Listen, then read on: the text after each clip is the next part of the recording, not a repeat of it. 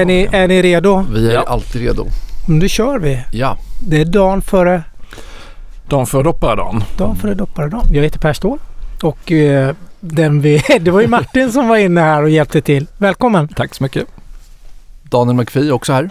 Ja, det, det, är det vi, det är vi som är på redaktionen idag. Lille julafton, sa man det i Småland också eller? Lilla julafton, det sa man. ja, Såklart. Ja, inte i Stockholm va? Nej. Nej. Eller? Men jag tycker vi kör igång. Ja. Mm. Vad vill ni börja med? Ja, f- sur börsvecka som lämplig avslutning på ett surt börsår eller? Mm. Kommer bli sämsta året sedan 2008 om inte något helt otroligt händer här i mellandagarna. Ja, vi tittade ju just. Det topp, alltså månaden började ju bra. Mm. Mm. Den Ja. toppade ju den 13. Vill du säga toppade den? Ja, det var väl i takt med amerikanska inflationssiffrorna som kom där på tisdagen förra veckan. Och sen eh, då handlades börsen upp och sen så fick vi väl Fed och ECB kommande vecka Ja. där och det var då börsen klappade ihop och vi var väl nere nu, eller svenska börsen är väl ner 7-8% där sen dess. Sen den lilla toppen. Ja. Intramånadstoppen. 25 procent ner ser det ut som på breda index hittills i år och OMX30 minus 16. Så att det är riktigt surt får man ju säga. Och så var det riktigt surt eh, igår också i USA på Nasdaq. Ja, jag tänkte avsluta med lite rolig kuriosa. Men Ja. det kommer vi till. Ja. Faktiskt, jag har skrivit om Sverigefonder. Mm. Och Precis som Martin säger, han har ju dragit de här lite avkastningssiffrorna för, för index. Så förstår man att Sverigefonder har ju inte rosat marknaden i år på något sätt. Det var ju nästan fjolårets eh, vinnarkategori eller Mm. en av de riktigt, eh, särskilt svenska småbolagsfonder. Kommer ni ihåg? Det var ju fonder som var upp eh, en bit över 50 procent. Det Ja. fanns en handfull sådana. Det glömmer man lätt bort. Ja, att med det- alla de här förvärvsbolagen som bara fick högre och högre multiplar och köpte mer och mer. De, de drog ju det segmentet rätt så bra. Och, du hade, och du hade fastighetsbolag. Många hade ju mycket fastighetsbolag. Det har ju varit en ganska stor sektor inom småbolagsfonderna. Mm. För man har, fått, man har inte med de stora bankerna och lite sådär då. Så det, Och det är väl just det man ser det här året att också det som har dragit ner. Men om man räknar från just årsskiftet för det var där någonstans det toppade så är det ju just fastighetsbolagen, mycket tillväxtbolag också eh, som har klappat ihop också och påverkat småbolagsfonderna mycket. så småbolagsfonder är, då kan man säga, de har varit, de är riktigt, det är en handfull som är ner 40 procent och mer. Mm. Eh, några riktiga vinnare, det finns ju alltid relativ vinnare, det vet vi. Och eh, jag hittar ingen på plus med plusavkastning i år. Jag tittar på Avanzas sparplattform då, 107 Sverigefonder då, både småbolagsfonder och eh, fonder med ett lite större mandat då. Men bästa fonden är ner 5 Ja. Har ett tydligt värdefokus. Heter Mm. Value till och med namnet. En SEB-fond. Är väldigt koncentrerat till 20 innehav bara. Och det finns ju bolag även i OMXS30 som är inne på vid AstraZeneca. Det är upp Mm. en bra bit över 30 procent i år. Boliden upp nästan 20. Det är Swedish liksom Match uppköp då men, men också defensivt. ju. Det har du. Och sen har du bankerna då som har gått. Mm. Jag tror tre, fyra Mm. banker har plusavkastning. Det är SE-banken. Men det, det lägger du till utdelningen så tror jag att den är i princip noll avkastning i år. Då. Så, jag Även menar, Axfood har väl gått bra Mm. i år. så det, det går att hitta. Så där har vi det. I år blir det revansch för de Sverigefonder med ganska tydligt storbolagsfokus Mm. och ganska banktunga, mycket värdebolag. Då. Så det, det är som det brukar vara. Det svänger mellan åren.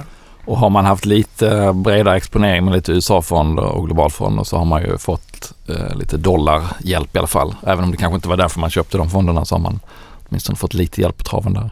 Så att har man något sån här diversifierad fondportfölj så har man förhoppningsvis klarat sig bättre än de här 25 procenten ner eller det så. 40 småbolag. Det, det finns vinnare inom alla tillgångslag. Men nu börjar dollarn komma ner lite grann. Har man ju sett. Mm. Så att, eh, Men på, på om OMX30 där, eh, då får vi en ny medlem i och med att Swedish Match blir uppköpt. Och om jag inte minns fel så försvinner de väl här vid årsskiftet då, så att det blir, meddelade Nasdaq igår var det väl, att det blir Nibe som tar deras plats. Ganska väntat. Välförtjänt. Ja, vad Ja. säger man? Det har jag väntat på i 22 år. Nej, Men då ska man ju veta att det har ju ganska ofta varit lite av en Judas kyss att komma in i OMX30 sista tiden. Ja, Det är ju SB, Ja, SBB och Sinch som är de två senaste. som kom har in och har dragit ner det. Ja. Och det är likadant i Jones kan jag ta. För Asså? vad fick vi in där senast? Det var Salesforce. Ja, Mjukvarugiganternas mjukvarugigant inom mjukvara. Den är halverats i börsvärde i dollar i år. och är den absolut sämst avkastande Ja. Dow Jones. eh, Det är, aktien då, det är bara 30 bolag då och Chevron är vinnaren där då. Det är lite vad jag hade tänkt ta senare Mm. i programmet. Men vi tar det nu för vi är ändå inne på temat då. Bara för att visa att det kan vara en liten förbannelse att komma Ja. in i index. Och i USA har det varit så flera gånger nu att det har vilat den lite. För du har väldigt starka kursuppgångar innan och så vidare då. Innan du kommer in i indexet. Och du har blivit ett stort bolag och sen börjar det mattas av då. Så det, Nu är ju inte Nibe någon liksom fluga på det sättet, varken som bolag eller verksamheten med miljöomställning och energiomställning. Så att de ska väl förhoppningsvis inte falla i den kategorin. Men eh, så har det sett ut historiskt sett och inte har varit alltid någon jättebra indikation på närmsta året hur det, att, att det går bra för att man kommer in i OMX30. så det är Let's intressant Mm. notering Det är väl värderingen kanske då, som kan förändras. som kan förändras. Ja. vi får se. Den är alltid med som jag brukar säga bland Europas dyraste bolag. Ja, Ja. Där har den placerat sig under flera år. av Men- en anledning. Ja, av en god anledning. Vad har ni gjort för intressanta nedslag annars? SAS flyger ju. Ja, jag har tittat på två bolag. Alltså det har varit fortsatt väldigt spretigt på konsumentsidan ju. Uh, XXL kommer någon vinstvarning. Eh, jag vet att du har tittat på Nike som Ja. har gått bra. kan vi prata om lite senare. Mm. Eh, jag har hoppat ner två bolag som är ja, men konsumentrelaterade får man väl ändå säga. SAS och Skistar. Så att eh, ja, ni får välja vilken ska jag börja Ja, men SAS. Dissekera. Ja. SAS. Ja, ja men eh, de är ju illa ute om man ska sammanfatta det. Eh, och jag tror att många små eh, eller många privatsparare har lite missuppfattat vad som eh, är på väg att hända här därför att SAS har 270 000 ägare. Nästan 100 000 bara på Avanza.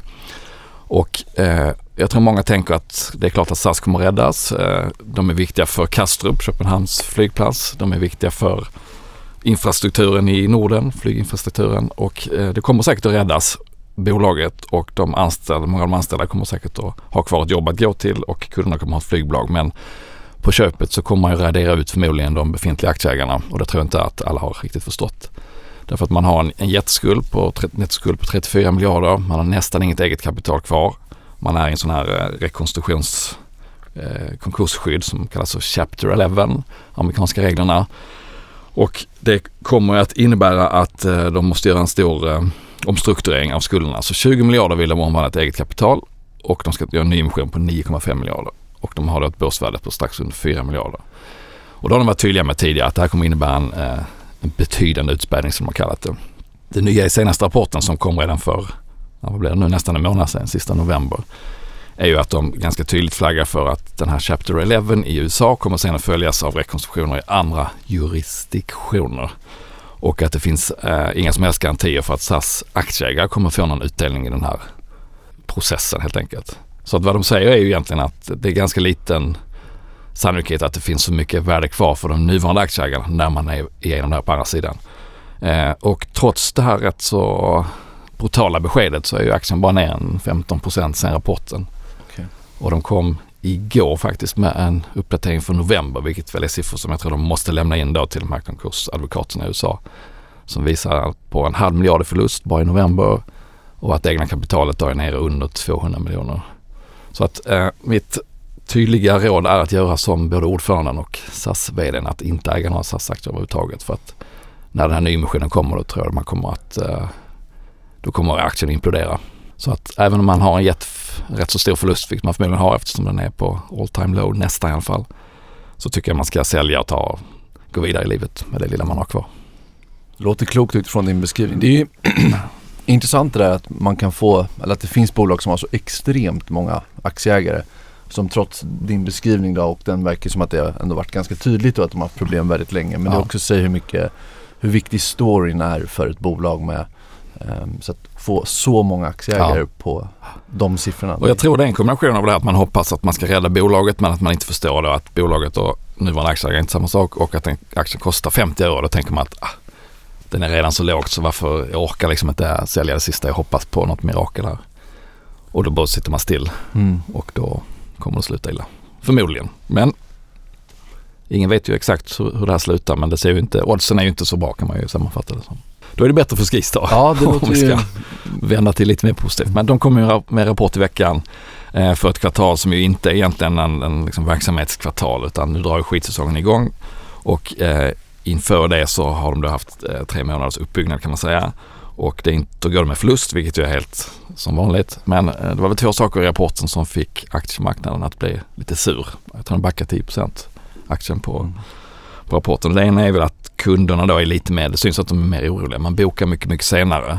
De har bra beläggning, sportlov, jul, nyår. Men senare delen av säsongen har man då sämre, sämre bokningsläge. Så att det var ner 13 procent jämfört med förra säsongen som det ser ut nu. Eh, 3 procent jämfört med senaste säsongen före pandemin. Så det var en sak som liksom gör aktiemarknaden orolig. Eh, och det andra är att kostnaderna hade dragit iväg ganska mycket. Inte elkostnaderna som man skulle kunna tänka, för de har säkrat det mesta. Utan kostnader för att renovera på anläggningen, eh, marknadsföring gått upp. Sådana, sådana saker som man har kunnat hålla igen på lite nu under pandemin som man måste då öka på igen.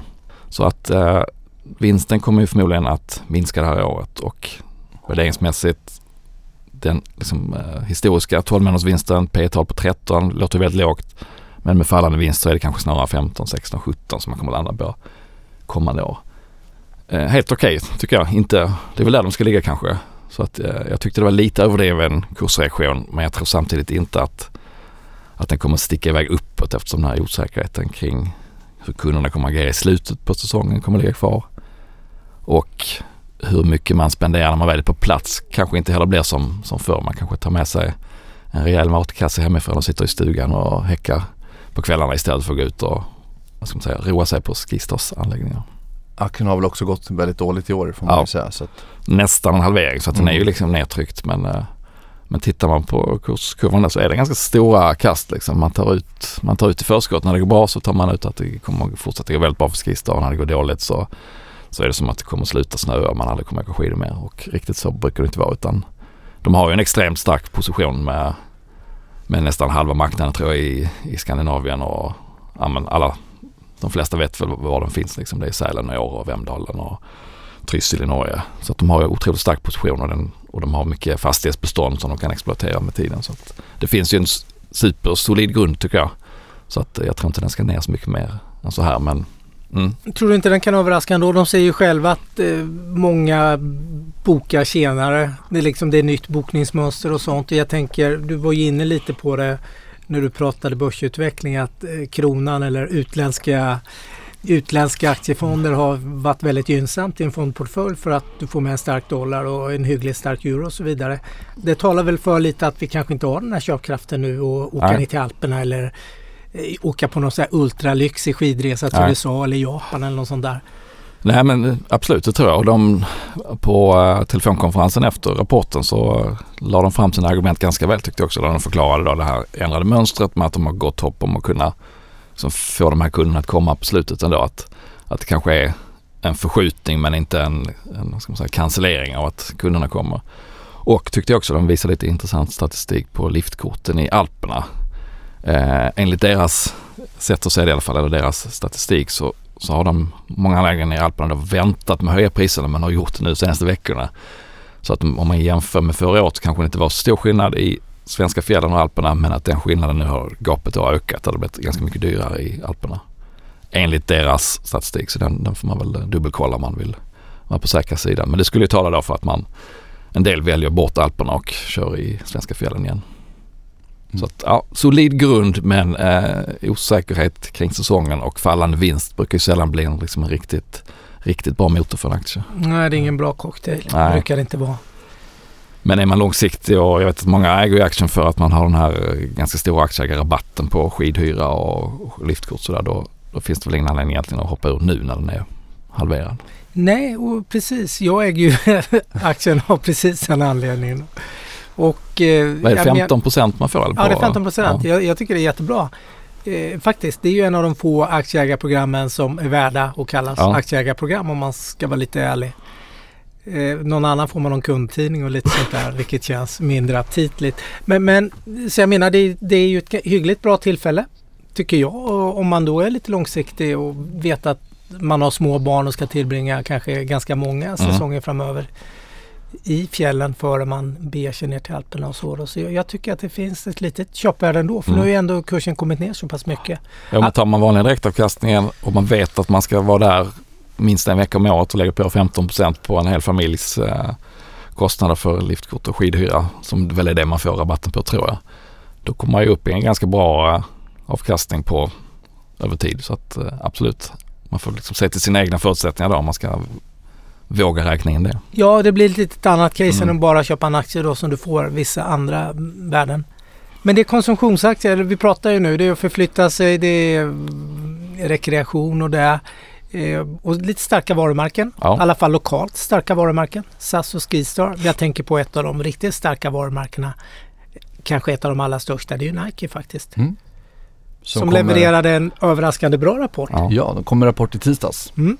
Ehm, och det har väl varit en, ja, som vi vet en väldig oro kring konsumtionsmönstret här under året. Ehm, men eh, de kom med rapport i tisdags kväll och slog eh, estimaten både på intäkterna och vinsten. Framförallt vinsten var väl upp 30% mot Mm. de estimat som fanns.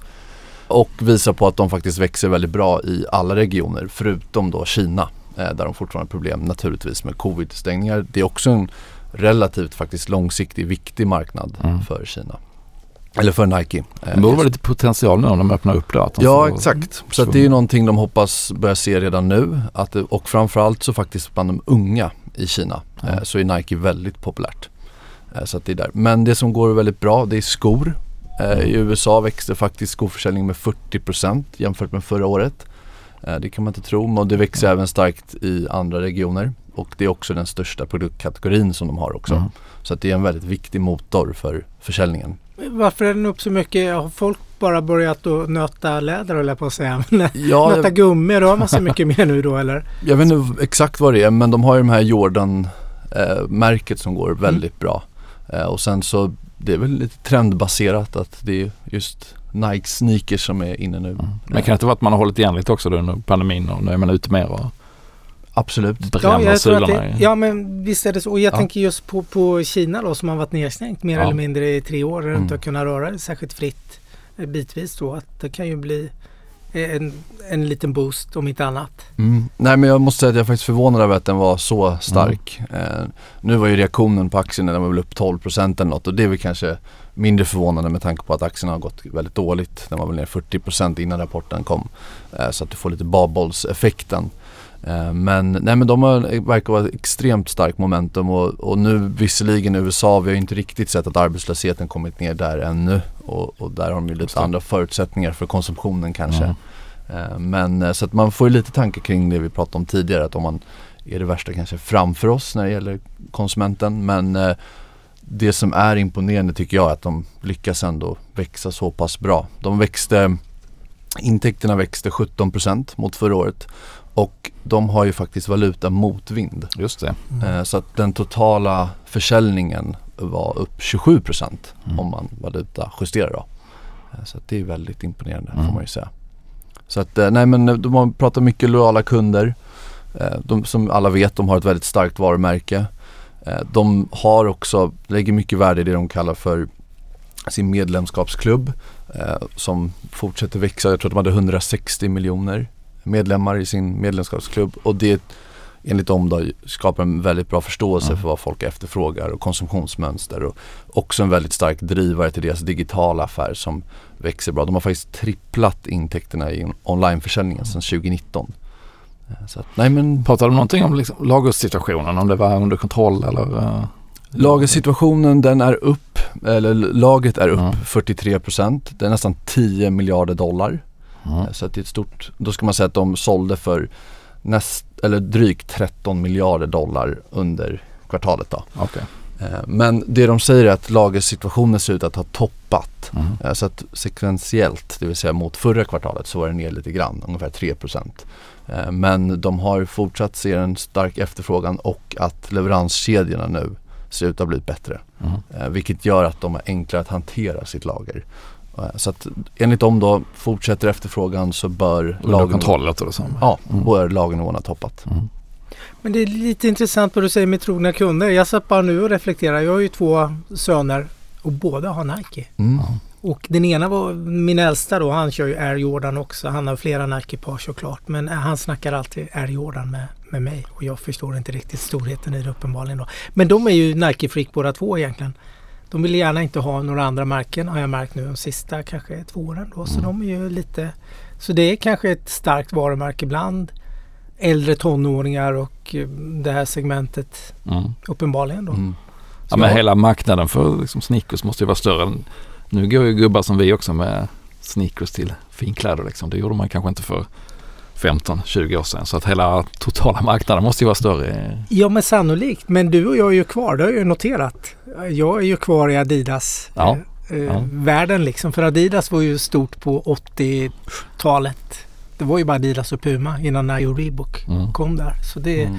jag är ju fortfarande, jag kör ju fortfarande mina eh, Adidas och har inte snubblat in på Nike-spåret än. Det kanske är hög tid för det uppenbarligen. Ja. Det finns mer marknad att ta helt enkelt. Ja exakt. Men Adidas ska jag säga, de vinstvarnade faktiskt här för ett par månader sedan så de verkar ha lite mer problem. Eh, och de är betydligt mycket mindre än vad Nike. Ja, som sagt, otroligt spretigt på konsumentsidan nu. Ja. Man har ju, vi har pratat om Björn Borg innan till exempel som, som kom med en hyggligt bra rapport i höstas men en jättedålig i somras. Och deras försäljningskanal via e-handlarna Boost och Zalando och sådär som kanske tar fart igen efter att ha varit dålig innan.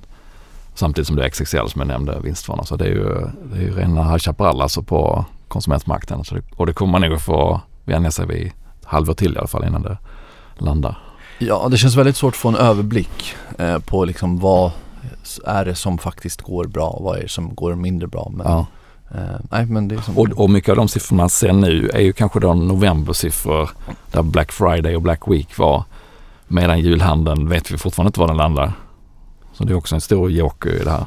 Jag tittade som hastigast på de här korttransaktionssiffrorna som SEB och Swedbank brukar skicka ut som blir nästan som realtidsmått uh, på handeln bara i Sverige då. Men båda de var ju ner, jag tror det var, den ena var ner 2 och den andra 4 tror jag, i liksom nominella tal hur, svenskarna har handlat med kreditkort under, eller betalkort under vecka 50 var det då. Så att, eh, vad blir det, i mitten på december här. Eh, och så inflationsjusterat så är det ju en nedgång på kanske 10 då i konsumtionen. Så att eh, man ska nog vara lite inställd på att det kommer ett litet dropp här efter hyggliga kanske Black Friday-siffror. Det Ja, var Pek- bara en vecka men still. Pekka brukar väl just prata om det, eller prata om det på senaste Mm. tiden här, att julhandeln blir en väldigt tydlig indikator på vad vi har framför oss. Så att eh, det ska bli väldigt intressant att se. Jag var ute på stan igår, det var fullt. Mm.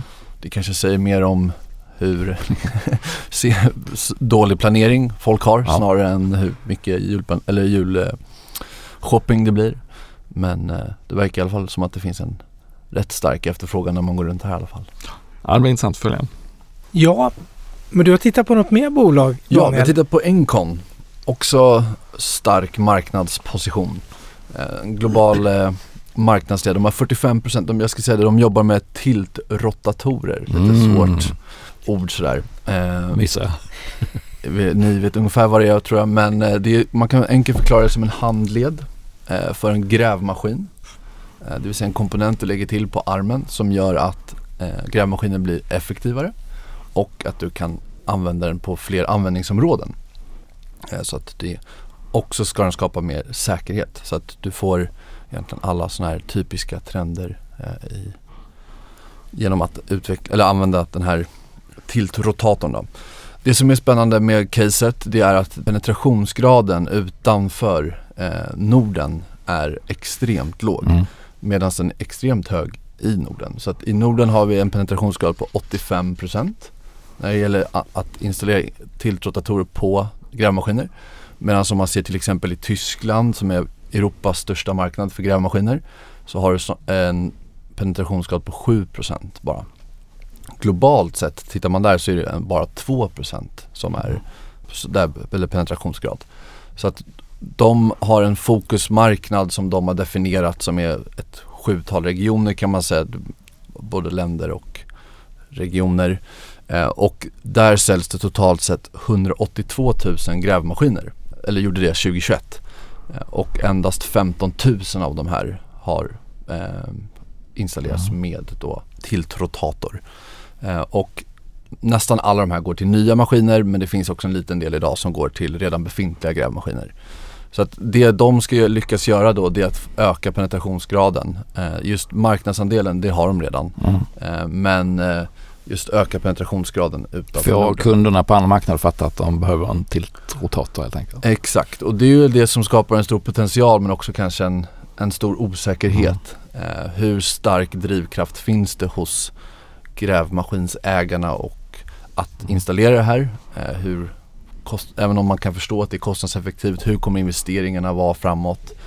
Eh, de, det förväntas växa marknaden för tilltrotatorer ungefär 20% fram till 2026. Men det är också sådana där typiska prognoser som är Mm. lite svåra att greppa sådär. Men eh, ja, de noterades ska jag säga i eh, 2022 här i juni och på 46 kronor handlas runt eh, 70 nu så att de har gått väldigt bra. Värderingen är väldigt hög. Eh, så att det är ingenting som jag satt och köp på. Hög lönsamhet och mycket kvalitetsindikationer tycker jag. Ja verkligen. Eh, de har ju rörelsemarginaler ja, nu senast i Q3 på 25% Ja. eh, men på drygt 20 eh, på rullande 12 då. Mm. Lite Atlas-nivå på det. Ja verkligen, de ligger väl någonstans där. Mm. Så att, nej jag tycker det är ett väldigt intressant case. Jag vet Per, du kanske sitter och funderar på att det här är något form av enproduktsbolag sådär och blir lite skraj. Men de har också lite andra delar med så det är inte bara tilltrotatorer. Det gläder mig att du, att du mycket korrekt kallar det för grävmaskin då, inte grävskopa som många gör misstaget att säga. Ja, ja någonting Jag har man väl gräv, grävmaskinister i släkten och då åker man på en smäll om man kallar själva maskinen för en grävskopa. Ja då får du höra med dem vad de säger om Encon. Ja, det ska jag. Men Det ska jag, det går, ska man runt, återkomma med. ja, går man runt här på stan och kollar när de gräver så ser man faktiskt ganska ofta. Men just som sagt då, just i Norden så har vi en redan extremt stark. Men eh, vill du plocka upp en kon då om du tycker att det är bra men du gav inget köp nu riktigt. Vad är det du vill se då? Nej men det är väl att man får ett, att värderingen kommer ner. Eh, nu tror jag aldrig att den kommer vara billig. Eh, men eh, det man vill se är väl att man kanske får plocka in lite billigare av ett surare klimat generellt på börsen. Eh, så att, eh, men man kanske ska börja, den har väl kommit ner några procent bara sedan jag skrev om det. Men eh, säg bara sådär 20% till ner. Mm. Men eh, att den kommer ner under eh, emissions, eller noteringskursen på 46 och så här, det tror jag att det får vi nog inte se med dem, på den potentialen. Eh, det är väl om i sådana fall om, alltså, om den kommer ner då kommer du förmodligen dock se något som faktiskt har hänt, det vill säga att penetrationsgraden inte ökar i den takten Ja. som investerarna vill se eller tillväxten uteblir eller sådär. Om hela byggmarknaden blir riktigt sur då kan det väl också kanske komma någon hårdare tryck på den. Men äh, ja, jag håller med. Kommer den ner ordentligt så skulle jag gärna äga lite tiltrotatorer. Mm. Nej, men jag gillar det där med att det är väldigt nischat så. Även om det finns en, Ja, såklart men en högre men- risk. Ja. Nej men jag, de är marknadsledare på en liten nisch och det brukar också funka jättebra. Även om det är ett enproduktsbolag då. Jag tänkte avsluta med lite kluringar. Mm. Fina, finanskluringar. Till oss eller? Ja, lite vi kan liksom sån där 2022 har ju varit ett stökigt år. Quiz. Det vet Ja. vi ju. Eh, jag har tittat i amerikanska dollar. Det är lite, världens investerare tittar kanske avkastningen i dollar och alla råvaror prissätts i dollar mer eller mindre. Så det får bli dollartermer idag. Ja. Vad tror ni är bästa tillgångslaget om man ser aktier som ett tillgångslag? Det är klart det finns massor med vinnarbörser, det kan vi prata om sen. Men vad tror ni är bästa tillgångslaget i år? Alltså menar du mellan aktier och... ja, obligationer, eh, oli- räntor, korta räntor, långa räntor, Mm. råvaror. ja fy fan, den var svår. Ja. Ja, den är svår. Råvaror, det finns Goldman Sachs, Standard Poor's, Ja. Goldman Sachs Commodity Index är upp 29 Okej. i dollar. Så råvaror är... Så råvaror ja, ja. kommer toppen och det är lite unikt för det är andra Mm. året i rad som det toppar. Det har det inte gjort på över 20 år. Vilket gör att det, det sticker ut som eh, den bästa Mm. liksom. Ja, det borde ju kanske om man ska är på väg in i en riktigt rälig låg- lågkonjunktur borde kanske råvarorna dyka mer. Ja, det borde trott. dyka med. Men naturgas är den stora vinnaren Ja. i råvaruindexet Okej. med enorma uppgångar i år. Även oljepriset är upp Mm. lite. Det är tunga faktorer. Guldet krigs, är med. ja. Guldet är i princip oförändrat då mätt i dollar. Så det, Krigsdrivet. det, det är lite krigsdrivet. Och sen har vi alla mjuka matvaror får Mm. man väl säga Ja. som korn och vete, soja eh, är, är, är upp eh, ganska mycket. Men en av de råvarorna som upp absolut mest i år är faktiskt inte med i indexet för det finns ingen riktig marknad för det. Det är litium. Batterier. Eh, Det är inte med indexet. Det finns vad jag förstår inga terminer. Du kan inte handla det liksom på, på, på det sättet som du kan göra med olja och eh, naturgas och eh, alla de här sojabönor och socker och sånt. Så det var lite om det. Vad, vad kan vi säga om börsen då? Börsen har inte varit någon bra historia. Tittar man på globalt aktieindex så är det ner nästan 20 procent Mm. i US-dollar. Men det vet vi ju. Det finns både vinnare och förlorare Mm. inom alla tillgångslag. Vad tror ni är bästa börsen? Jag har skrivit Bäst- om det några gånger i höstas. Kan det vara Turkiet? Det är Turkiet. Otroligt. Turkiet upp Fast det är en av de sämsta valutorna mot US-dollarn i år. Eller det är nästan den sämsta valutan. Mm. Så är börsen upp där 75 procent mätt i. US-dollar. Och den är upp över 100 procent, 120 tror jag, svenska kronor. Och det är drivet av inflation eller vad? Ja, det är det delvis. Dels har det bli- blivit stort. eh, Jag hade ju äran att få vara på ett seminarium där nere en dag. Jag hängde en liten dag där när jag var nere i Turkiet. Och då är det mycket inhemska investerarna köper aktier som en inflationshedge. För allt, de, de har ju en skenande inflation. Mm. Det var ju upp 80 procent när jag var där i höstas. Så då har man köpt aktier då för att eh, det är bättre än att ha det i madrassen eller på ett bankkonto. Vilket känns naturligt. Det ryktas om att det har kommit in ryska pengar för Erdogan är fortfarande lite polare med, med Putin. Så jag tror att de valutaflödena funkar hyggligt då så det kommit ganska mycket ryska pengar in sägs det. Och nu på slutet, sista boosten har kommit, alltså så här globala investerare, så här, stora emerging eller tillväxtmarknadsfonder och Mm. globalfonder. Då Mm. kan man öka vikten och kanske överviktar eh, Turkiet då. Så man har fått en liten, man har fått boost flera gånger om då på vägen. Så det var lite kort om det. Vilka hör till de sämsta börserna tror ni mätt i US-dollar? Sen, ja, Ryssland kan vi väl ta bort då eller? Ja, Ryssland får vi nästan ta bort. Den, eh, Men skulle utom nog, tävlan. den är, det är lite utan tävlan. Um, Ja, du, du Men började prata om den här tidigare idag. Du började Kina eller? Ja, Nej. det är Sverige. Stockholm. Alltså, ja. Stockholm är ner, vad sa du att det var ner? 25 procent? 25 på breda Sen ja. får du lägga ner 15 till i Ja. valuta. Då Ja. har du... Mm, Ja just det, i dollar hamnar man riktigt illa till. Då har du en hyggligt eh, Mm. dålig investering Mm. om du sitter i Boston eller New York och Mm. har varit exponerad mot svenskt Ja, aktieindex. UK, UK då kan inte heller varit någon fest va? Det tror man inte. UK är bästa Europabörsen. Va? Ja. För det är mycket råvaror, Ja, det är extremt mycket Mm, banker.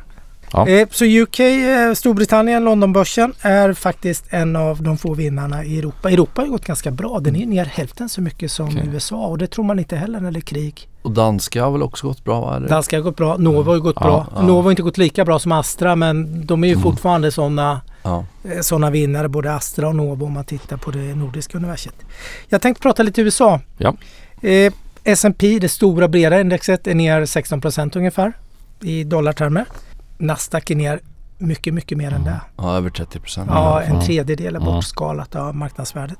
Mycket drivet av, nu ska vi se, vi har inte hört de här fangbolagen och de här akronymerna på väldigt länge. nu. Nej, de har liksom de fallit har lite. fallit bort.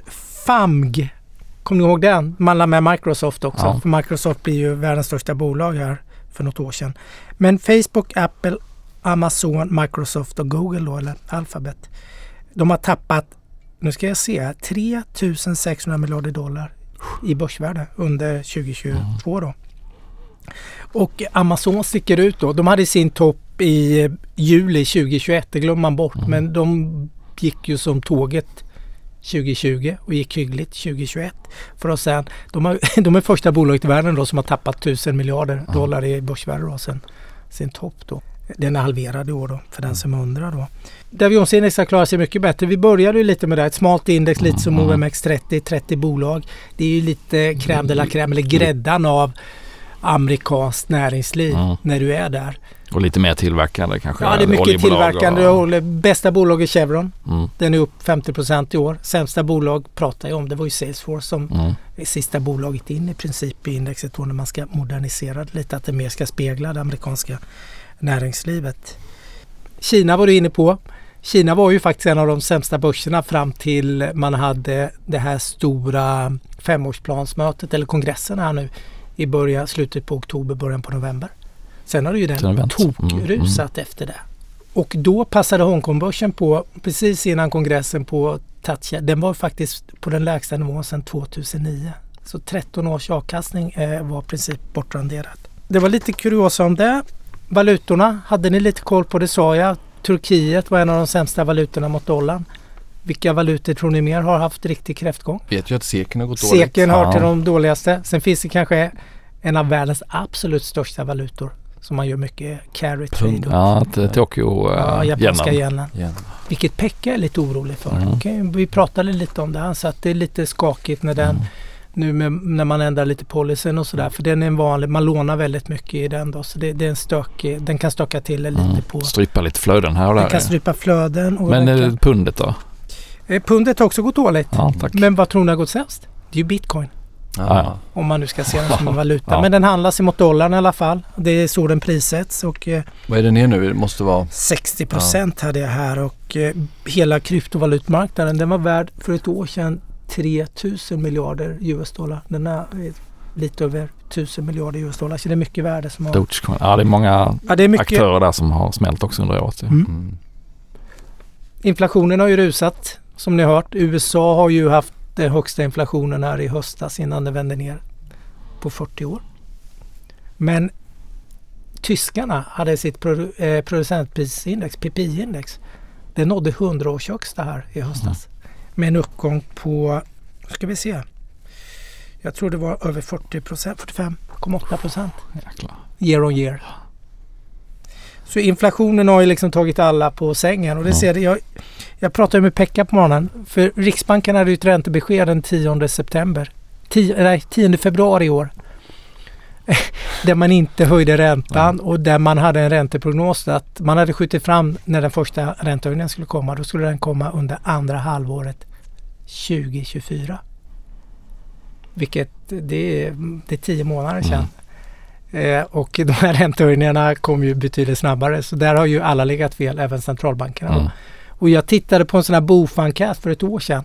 Då trodde de globala investerarna att Fed skulle höja ränt, två små räntehöjningar skulle komma under Q4 i år då under Mm.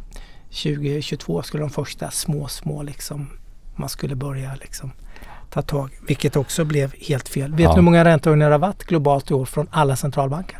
Hur många som helst. Väldigt många. Men betydligt mer än vad man tror. Det är ja. betydligt mer. 284 stycken e- enligt eh, eh, Bofa Securities. Då. Det, har varit, det är drygt en per hand börsdag. Och dessutom ovanligt stora. Om man tidigare höjde med 25 eller 50 punkter har det varit liksom 75 punkter. Så Riksbanken en hel procentenhet en gång. Ja, det har varit ovanligt många Mm. och ovanligt stora. Och det kan vi kanske tänka oss då att nästa år blir det inte lika många. Och de blir inte lika stora då. Så det är väl något på plussidan. Mm. Och kanske har fel åt andra hållet nu den här gången då. Ja. Så att det går ännu snabbare ner och kommer ännu tidigare ner Ja. än vad alla tror. Ja, men så kan det faktiskt vara. För alla har ju legat fel, både marknaden och eh, centralbankerna då, vår egen riksbank då. har ju alla liksom blivit tagna på sängen. Och det har fått jättestora konsekvenser för räntemarknaden. Amerikansk 30-åring då som anses vara kanske bland det rock solid får man väl säga. Mm. Om man liksom så är ner drygt 30 procent i år då, som Mm. investering. Den har ju hamrats sönder då med den här ränteuppgången då, så under så lång duration. Vem minns inte eh, vad heter det, Tass hette hon. Vi hade ju en brittisk premiärminister i Just det. 44 eller 45 dagar då, Ja. som då lyckades sjösätta en minibudget då som fick den brittiska räntemarknaden och den kollapsade ju Ja. under några dagar mer eller mindre då. Den var ju, den var ju det var ju precis, jag tror inte det gick att handla den Mm. under något dygn. Liksom. Nej, det lät ju som att pensions, stora pensionsfonderna var på väg att implodera. Ja. Om inte de skulle gjort något, vända på det här snabbt. Så det varit händelserikt. Men Ja, jag vet inte, säga. vad ska man säga då?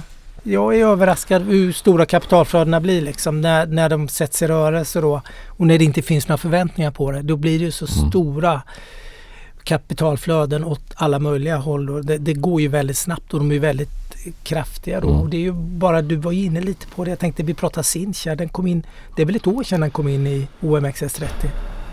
Ja, förra sommaren Eller var för- det väl? Eller? Ja, förra eller om sommaren. man inte blandar ihop det så SBB strax innan där va? Ja. Men, men liksom hur, hur snabbt det går Ja. då från att vara lite darling Mm. till, till att inte vara någon darling och kapitalflödena är stora. Det blir stora nettoutförsäljningar då som det är svårt att hitta köpare Mm. till och så här.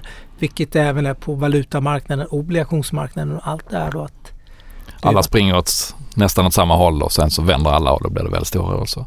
Men om man, det stora grejen 2022 måste ju ändå vara det här lappkastet i inflationen och centralbankernas politik. Det, det var ju då som du är inne på i februari, det var det fortfarande förhoppningar om att det var något transitory, att, att inflationen var övergående och att det snart skulle börja vika ner och sen blev det inte alls så. Sen, de enorma räntehöjningarna har ju ändrat hela spelplanen för hur man värderar alla risktillgångar egentligen. Det, det är väl det man kommer att, framförallt kanske när man tittar tillbaka på 2022 och komma ihåg. Och kanske då ompröva hur centralbankspolitiken de senaste 10-15 åren, om det var rätt att så länge hålla så lågt och bygga upp någonting som, som kanske blir riktigt otäckt här. Men det blir för historieböckerna. Har vi gjort några egna affärer? nej. Nej, Inget. Nej, inte heller. Inget? Nej. Men det var bra att du tog upp. Nej, jag har inte gjort någonting. Jag har vilat på hanen. Ja, samma här. Rätt så nöjd med det jag har och nöjd med att ha en hygglig kassa i, i det här skakiga klimatet. Mm. Det är ju väldigt många som tror på en nedgång till på börsen här och sen kanske det ska upp. Och nu försöker alla kanske gå lite före det då och sälja redan innan. Så att ska man vara lite optimist så kanske den här nedgången som vi väntar på lika bra riva av plåstret så vi kanske får lite tuffa veckor här och sen kanske, kanske, kanske det. Vi når botten tidigare än man hade gjort annars. Det blir ju ett bättre startvärde nu om vi får ner börsen lite, lite till nu här nä, nästa vecka. Ja. Och kanske någon procent till eller någonting då. Eller, ja, vad det nu kan bli. Så blir det ju Ta kulan direkt. och Ja, sen, det eh, blir så- mycket referenser till hur det gått i år och så. Ja. Och det är väl det som också stökar till det tycker jag lite kring det här året. Att allting ser ju liksom riktigt illa ut i år. Men vi Mm. hade ett extremt högt startvärde förra året. Så Ja, och man ska se det över en längre tidsperiod. Men det blir lätt. Jag vet, vi är alla kalenderbitare Ja, på något sätt. ja. Det finns ingen bransch som är så kalenderbitare som finansbranschen på något sätt. Man ser de här kalenderåren som... Och jag som du är inne på var i toppen precis vid årsskiftet. Ja. Så att det blir ju, eh, man mäter verkligen från toppen när man pratar om årets utveckling. Då tänkte jag att vi säger god jul. Ja, Ja, Absolut. god jul. God jul! god jul och tack för alla som har lyssnat under året. Vi har ju Ja. haft, det har ju varit otroligt många som har lyssnat och många som har mejlat in. Ja, Mm. det tycker vi är jättekul. Tycker jag Superkul. jättetrevligt och eh, bättre lycka nästa år tänker ja. jag. Men det är en vecka kvar. Det är en vecka kvar. Vi får se. Kanske blir lite rally nästa vecka. Vi får se. Känns inte God så. jul. God jul! God jul!